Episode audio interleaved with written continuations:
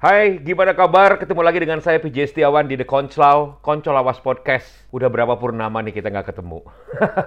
Maaf banget baru kali ini uh, bisa update podcast ini karena lagi urus macem-macem. Jadinya interval antara edisi yang biasanya mingguan menjadi beberapa mingguan, menjadi berbulan-bulan. maafkan guys, maafkan. Sekarang ini kita udah masuk di penghujung tahun, masih juga banyak hal yang belum pasti Uh, contohnya seperti resolusi tahun ini aja banyak yang ambiar. Gimana ya kita mau bikin resolusi tahun 2021 atau tahun depan? Hmm. Anyway, menurut gua nih yang kita butuhin sekarang adalah beberapa cerita nyata yang memang terjadi dan faktual yang semoga bisa bikin pikiran kita jadi cerah menjelang tahun 2021.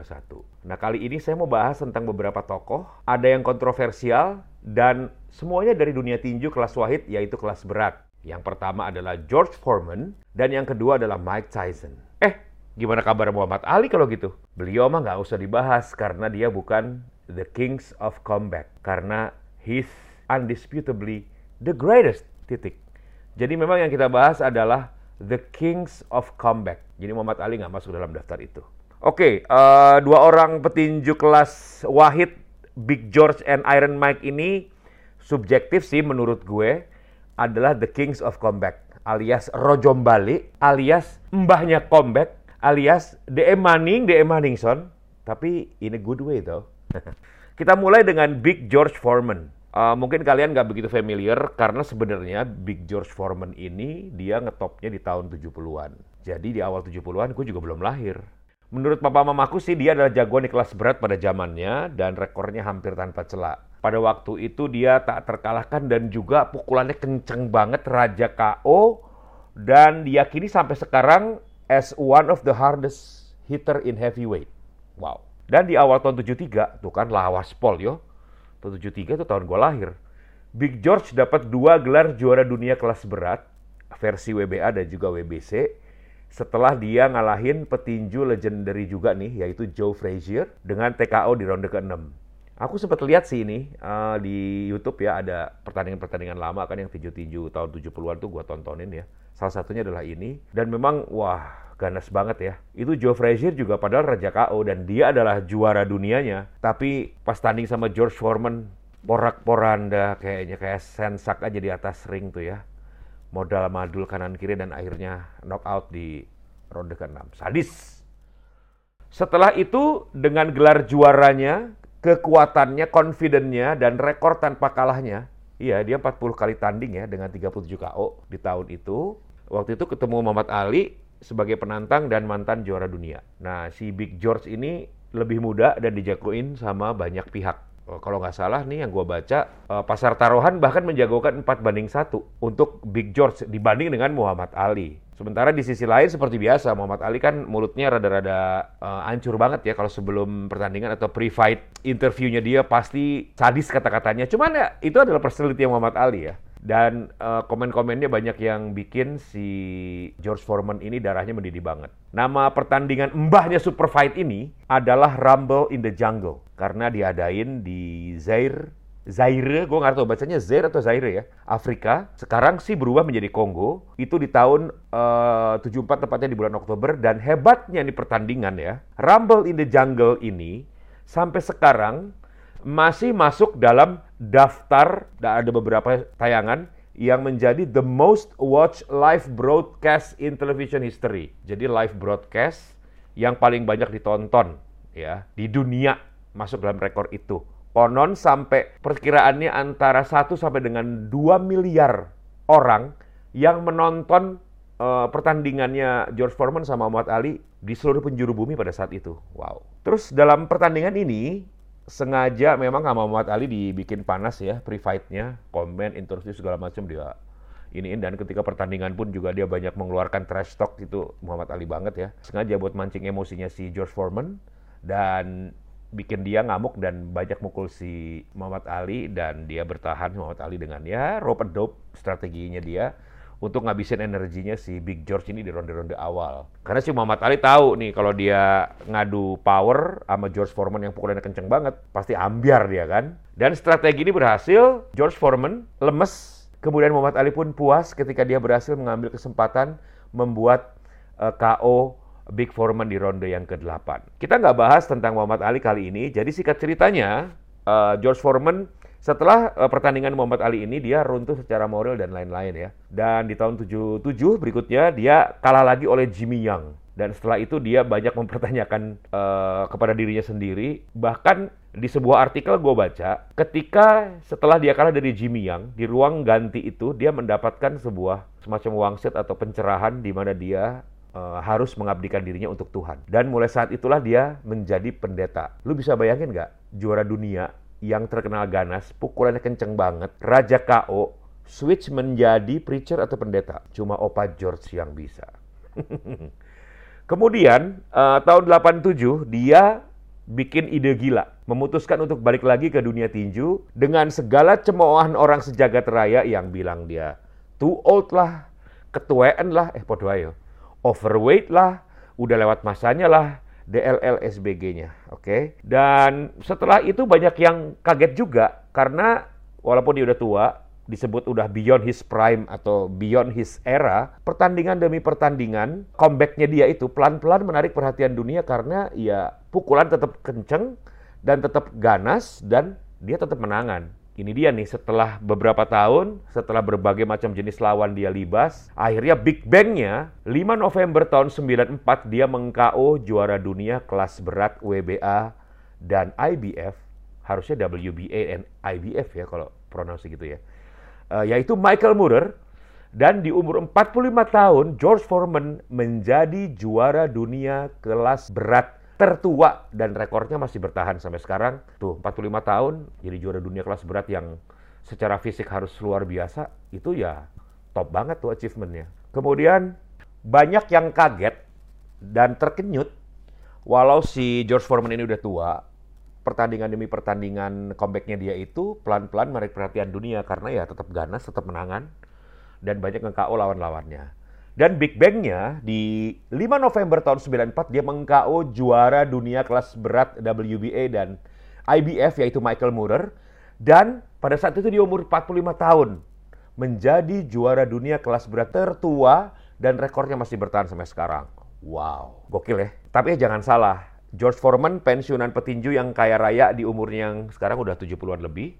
Bukan karena duit dari tinju loh dia sekarang kayaknya. Jadi uh, persona George Foreman yang ganas di ring, tapi di luar ring dia tuh orangnya friendly, ramah, dan menyenangkan. Mengantarkannya mendapatkan endorsement untuk uh, sebuah panggangan steak yang akhirnya memakai uh, brand dengan nama dia yaitu George Foreman Grill mulai tahun 94 dengan konsep griller yang memanggang kedua sisi sekaligus. Jadi matangnya itu dua sisi sekaligus nggak harus dibolak-balik. Dan juga diklaim lebih sehat dengan kalimat jualan seksi, knock out the fat. Jadi masaknya dua, jadi modelnya kayak jepitan gitu, kemudian uh, posisinya rada miring sehingga ketika dia menggrill, lemaknya tuh akan menetes dan ditampung. Jadi diklaim lebih sehat karena tidak banyak mengandung lemak. Jadi fit in dengan brandnya dia as an athlete, juara dunia dan segala macam. Dan uh, gak bercanda loh ini angka salesnya. Dengar-dengar sampai di Amerika saja terjual lebih dari 100 juta unit untuk uh, George Foreman Grill ini. Dari mulai tahun 90-an sampai sekarang. Dan pendapatan George Foreman dari bisnis grill ini total udah bikin dia kaya raya dengan angka paling tidak 200 juta dolar selama ini. Wow. Memang George Foreman adalah salah satu uh, atlet yang kaya di Amerika tapi masih di bawahnya Michael Jordan. Hebat tenan ya. Kemudian uh, itu tentang Big George, Uncle George Foreman. Sekarang kita beralih ke profil berikutnya yaitu Michael Gerard Tyson alias Iron Mike Tyson atau Mike Iron Tyson atau Tyson Mike Iron. Podo ayo. oh ya, dia punya julukan lain yang lebih serem coy, yaitu the baddest man in the planet alias manusia terjahat di muka bumi ini. Gue jadi inget dulu zaman SMP tahun 85, 8, ya tahun 80-an pertengahan lah ya. Kalau pertandingan Tyson tuh sekolah dipulangin lebih cepat sama guru-guru. Karena guru juga pengen nonton. Sampai mama aku pernah komen gini dulu. Kalau magnetnya Tyson ini mirip sama magnetnya zaman kemasannya Muhammad Ali tahun 70-an. Karena uh, semua orang kayaknya ketika ada pertandingan yang Tyson dan Ali ini ya dengan era yang berbeda itu mendapatkan hype yang sama dan menarik minat orang yang sama di seluruh penjuru dunia. Semua orang nonton pertandingannya Tyson, dari mulai anak-anak, uh, orang tuanya, engkong-engkongnya juga pada nonton semua. Oke, okay, uh, semua orang tahu kalau Tyson banyak bikin ulah selepas dia jadi juara dunia kelas berat termuda dalam sejarah ya. Sampai sekarang uh, rekornya masih belum pecah loh. Dia muda, uh, duitnya banyak, terus kemudian dia berhasil menyatukan atau sebagai undisputed heavyweight champion of the world. Jadi juara dunia kelas berat sejati karena dia berhasil menjadi juara kelas berat dunia di tiga asosiasi tinju dunia yaitu WBA, WBC dan juga IBF. Jadi kalau sekarang di compare siapa ya yang dengan profil hampir sama? Mungkin Justin Bieber kali ya, sama-sama muda ya, walaupun beda ya, satunya musisi, satunya olahragawan. Ya sama lah, ngetop, duitnya banyak, dan masih muda, mungkin secara psikologis kurang siap sehingga uh, ngendaliin diri, dan juga mungkin pressure-nya juga tinggi ya. Belum lagi kehidupan gak senormal biasanya dong, ya kan? Hidup normal aja kita kudu belajar banyak, dan juga diajarin sama orang-orang tua kita. Nah ini kehidupannya sebagai orang yang sangat kaya di usia muda dan selebriti dan segala macem, kan kehidupannya tidak normal. Kudu belajar sama siapa coba, ya kan? Kan? Gua nggak akan bahas tentang apa aja yang diperbuat Mike Tyson karena gue yakin lo semua juga udah pada tahu dari mulai masuk penjara karena pemerkosaan, buang-buang duit, dia doing drugs juga, dia pernah ketangkap polisi karena uh, mabok di sambil nyetir atau di UI ya, drive under influence sampai dia juga sempat bangkrut, nunggak pajak, punya hutang dan kesimpulannya dia rada gembel. Padahal bingung loh. Dulu itu di juara dunia dengan pendapatan yang luar biasa ya dari honor uh, tinjunya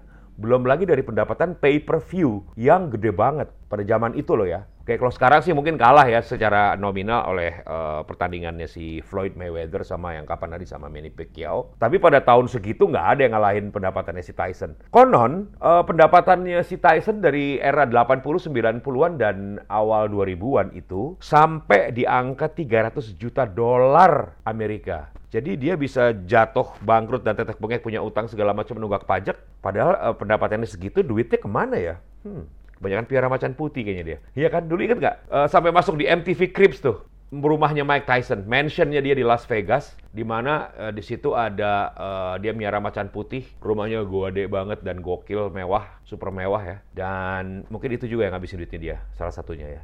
Terus uh, setelah itu di beberapa konten media, berita, tayangan, ada dokumenter uh, dulu-dulu tuh di awal tahun 2000-an sih gue inget rata-rata bunyinya sama ya tentang Mike Tyson ya hal-hal yang negatif tentang dia, kehidupan tragisnya dia, he fell off the wagon lah segala macem, uh, tragic life of uh, an ex-champion, bla bla bla. Tapi kemudian tahun 2011, brand Mike Tyson mulai berubah dari yang penuh masalah, ganas di dalam dan di luar ring, menjadi lebih family friendly dan lebih komedik. Oke, ini lumayan kontradiktif dengan profil di selama ini ya. Lebih komedik sampai di acara Roast of Charlie Sheen di tahun 2011, dia menjadi salah satu roaster bersama Snoop Dogg, uh, Roast Master General Jeff Ross, Seth MacFarlane, dan juga yang lain-lain. Uh, gue juga rada kaget. Setelah itu, ketika Mike Tyson di bulan Agustus 2012 tampil sebagai performer di Broadway. Mike Tyson tampil di Broadway. Dia kolaborasi dengan sutradara Spike Lee untuk semacam uh,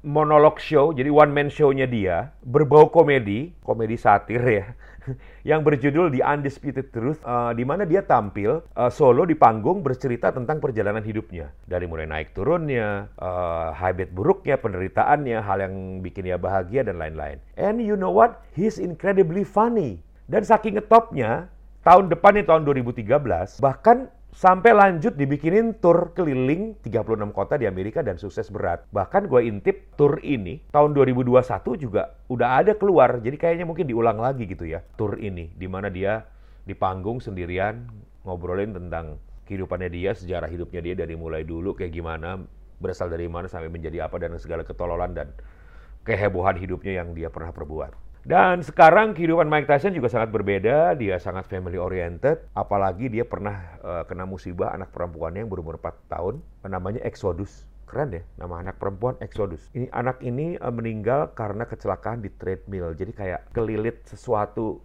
aku baca di artikel sih gitu, kelilit cord atau semacam kayak di treadmill. Itu di tahun 2009. Jadi intinya Mike Tyson hit multiple rock bottoms, but he just never quits kesibukan dia sekarang macam-macam. Dia punya podcast Hot Boxing with Mike Tyson. Dia pernah nulis dua buku. Yang pertama adalah The Undisputed Truth tahun 2013 dan masuk dalam New York uh, bestseller list. Dan tahun 2017 dia bikin buku kedua berjudul Iron Ambition yang nyeritain banyak tentang orang yang paling uh, berjasa buat dia, idola dia, figur bapak dia, pelatih pertamanya dia yaitu Kas Diamato. Gue nonton banyak nih interviewnya Mike Tyson uh, dari mulai tahun 90-an sampai yang baru-baru ini. Sampai sekarang dia kalau di interview ditanya tentang Kas Diamato, dia masih berbesmili, masih uh, emosional dan menitikan air mata. Ini saking cintanya ya sama si Kas Diamato ya. Dan uh, kesibukan Mike Tyson juga dia sekarang mengelola, dia juga punya Tyson Ranch di California. Jadi ini Tyson Ranch ini semacam ya gampangannya disebut sebagai kebun ganja, tapi ada resortnya di dalam. Ya ya, Memang Mike Tyson sekarang jadi raja cimeng. Ya karena California kan adalah state pertama nih yang melegalkan ganja di Amerika ya. Dan ini yang bikin dia sekarang kaya banget. Ya hampir mirip lah sama ceritanya George Foreman. Tapi kalau untuk Mike Tyson uh, plot twistnya lebih gokil. Walau ya almost ending ya karena masih ongoing kan jadi gue nggak bilang ending almost ending ya uh, sama-sama happy makanya menurut gue Mike Tyson di antara dua profil cerita tokoh yang gue ceritain sama sekarang ini, uh, gue nobatin adalah The King of Comeback menurut gue, alias mbahnya comeback. Oh iya, tadi di awal podcast ini gue sempat uh, mention sedikit tentang resolusi tahun 2021. Kalau menurut gue sih, kayaknya untuk resolusi tahun depan kita nggak usah kebanyakan detail kali ya. Kalau biasanya mungkin kamu bikin resolusinya satu, dua, sampai belasan gitu ya, uh, with so many details item. Kalau tahun ini lebih simple, karena uh, less is more. Jadi pointersnya cukup beberapa item saja yang utama karena variabelnya masih banyak berubah juga kan kondisinya selama ini dengan uh, pandemi segala macam. Pokoknya uh, lihat kondisi, uh, cermati, tetap waspada dan jaga kesehatan keluarga. Eh, satu hal lagi nih gue lupa. Yang gokil nih tentang Mike Tyson adalah dia uh, minggu depan, tepatnya tanggal 28 November, dia akan bertanding uh, exhibition. Jadi tandingnya nggak tanding yang untuk uh, gelar ataupun mendapatkan peringkat di Asosiasi Tinju Dunia, tapi dia untuk charity. Jadi pendapatan dari uh, tandingnya dia itu adalah nantinya untuk charity. Gue lupa charity buat apa. Yang jelas lawannya dia juga bukan petinju sembarangan. Ini juga adalah uh, petinju favorit gua dulu karena luar biasa, uh, yaitu Roy Jones Jr. Roy Jones ini dia, gua lupa ya, uh, dia juara dunia di beberapa kelas berbeda. Yang jelas penjelajah ya. Dari mulai kelas uh, yang yang gue ingat adalah dia kelas ringan berat ringan. Kemudian dia juga juara dunia kelas berat. Wow. Dan eranya hampir mirip dengan Mike Tyson Nah sekarang memang umur mereka juga eh, nggak uh, terpaut jauh. Sekarang Roy Jones ini umurnya 51, sedangkan Roy, si Mike Tyson di umur 54 tahun ini. Oke, mungkin itu aja kali ya. Uh, yang jelas pertandingannya 28 November, 9 p.m. Eastern Time, waktunya uh, bagian timur di Amerika. Itu berarti tayangnya adalah satu hari maju karena mereka ketinggalan beberapa belas jam. Jadi uh, akan tayang kalau waktu Indonesia WIB adalah di 29 November jam 9 pagi. Gue juga masih cari nih TV mana lokal yang menayangkan dari pertandingan gokilnya Mike Tyson ini nih. Yes, uh, to be honest, I have to admit that I'm a Mike Tyson fanboy. anyway, saya PJ Setiawan, uh, selalu jaga kesehatan. Kita ketemu lagi nanti di next editionnya The Conclaw, Conclawas Podcast. Sampai jumpa.